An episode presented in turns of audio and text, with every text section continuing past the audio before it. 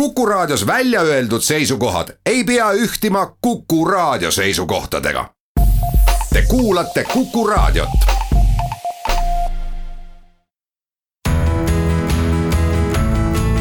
kuku Raadio nädala kommentaar. tere, olen Ardo Pajula ja ma tõmban selle epistliga joone alla järjekordsele neljanädalasele tsüklile mille vältel me lähenesime koos Sveni, Peetri ja Indrekuga igaüks omal viisil sõnapaarile Rahvaste kevad. eelmisel reedel kõlanud kommentaaris tegi Indrek juttu tuhande kaheksasaja neljakümne kaheksanda aasta üle-euroopalisest revolutsioonide lainest. ma jätkan sealtsamast, sest see on tõesti esimene ajaloosündmus, mis seoses nende sõnadega pähe torkab Ühendriikide ajaloolase Martin Maalja sõnul oli tuhande kaheksasaja neljakümne kaheksanda aasta revolutsioonide kõige tähtsamaks iseärasuseks nende kolmekordsus. Need olid ühtaegu nii liberaalsed, sotsialistlikud kui ka rahvuslikud. selle tähelepaneku taustaks on tõsiasi, et rahvaste kevade kohal lasus poole sajandi taguse kataklüsmi sünge vari. pärast tuhande seitsmesaja üheksakümnendate aastate jakobinide verepulma ei olnud süütu revolutsioon enam võimalik, väidab maalija. Sest kõik draama osapooled nägid oma rolle selle kogemuse valguses ja kohandasid vastavalt sellele oma käitumist. kui tuhande seitsmesaja kaheksakümne üheksandal aastal olid kodanlus- ja töölisklass üheskoos vana korra vastu üles astunud, siis sajandi keskpaigaks oldi kogemuse võrra rikkamad sotsialistlik liikumine sündiski Maalja sõnul Prantsuse revolutsiooni ebaõnnestumisest ja nii kõrgete ideaalidega revolutsioon saigi üksnes lootusi petta. Tuhande seitsmesaja kaheksakümne üheksandal aastal lubatud vabadus oli reaalne vaid selle vähemuse jaoks, kel oli vara seda kasutada. see vabadus, mida taotlesid jakobiinid, sõltus aga turujõududest, mida inimesed ei kontrollinud. kõiki neid võrdsusideaale ohustavaid tegureid oli võimalik vältida seni, kuni revolutsioon hoogu kogus, sest nii kaua oli võimalik säilitada veel lõpliku õnnestumise illusiooni. Kui Robespierre aga tuhande seitsmesaja üheksakümne neljandal aastal kukkus, see illusioon hajus ja lihtrahvale sai selgeks, et revolutsioonil polnud neile midagi pakkuda. uus kodanlik režiim oli nende jaoks sama ebavõrdne ja rõhuv, kui seda oli olnud vana kord nii leiab üheksateistkümnenda sajandi esimese poole jooksul aset tuhande seitsmesaja kaheksakümne üheksanda aasta printsiipide pidev eskaleerumine. Tuhande kaheksasaja kahekümnendatel aastatel tähendas liberalism veel konstitutsioonilist monarhiat.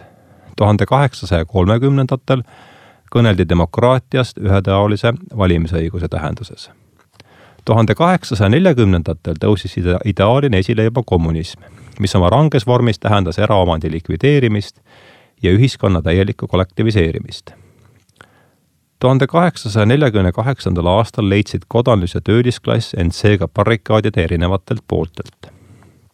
kui me nüüd maali ja rahvaste kevade kolmekordsuse idee juurde tagasi pöördume, siis sotsialismi peetakse üldjuhul proletariaadi ideoloogiaks, majanduslikku liberalismi aga jällegi kodanluse filosoofiaks ometi ei saa aga proletaarse mõtte ja sotsialismi vahele sugugi võrdusmärki panna, sest sageli on tööstustööliste poolehoid kuulunud hoopis natsionalistidele.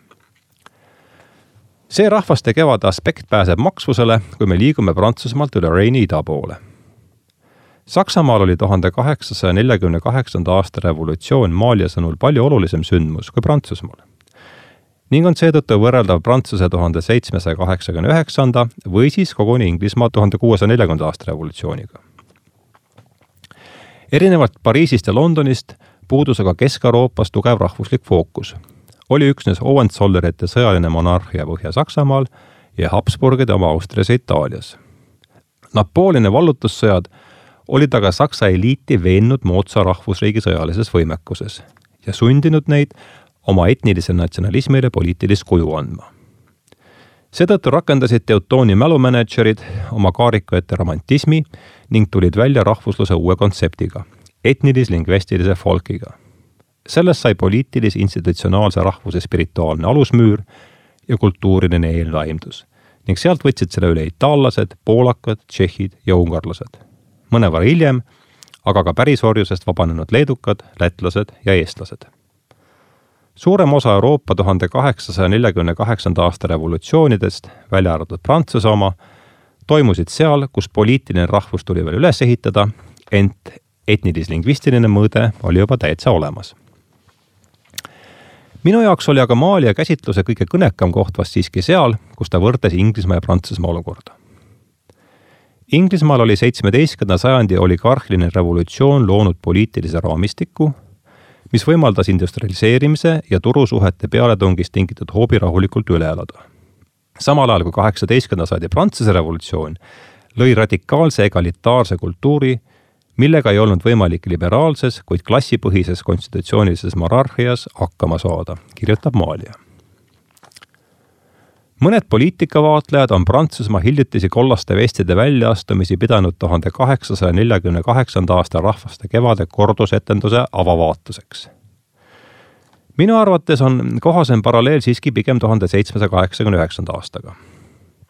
meil on ühelt poolt tegemist enda oma tarastatud paleedesse sulgenud globaliseerumiskosplit jutustava korporatiivpoliitilise kõrgaadliga ja teiselt poolt radikaalse egalitaarse kultuuri tuulepöörises lipendava lihtrahvaga. viimase poole aia pärast peavad omavahel ägenevat võitlust sotsialistlikud ja natsionalistlikud ideed. eelmise sajandi õpetlik kogemus näitab seda, et need kaks ideoloogiat on omavahel suhteliselt hõlpsasti ühendatavad. Brüsseli eurokvartali moodsatel Habsburgidel on seega põhjust olla murelik. Euroopa relvajõude, nii palju kui neid siia on veel järele jäänud, kontrollivad vürstid kes on neile seni küll veel lojaalsed, kuid kelle jalge all liigub seesama natsionaalsotsialistlik laava. kuku raadio nädala kommentaar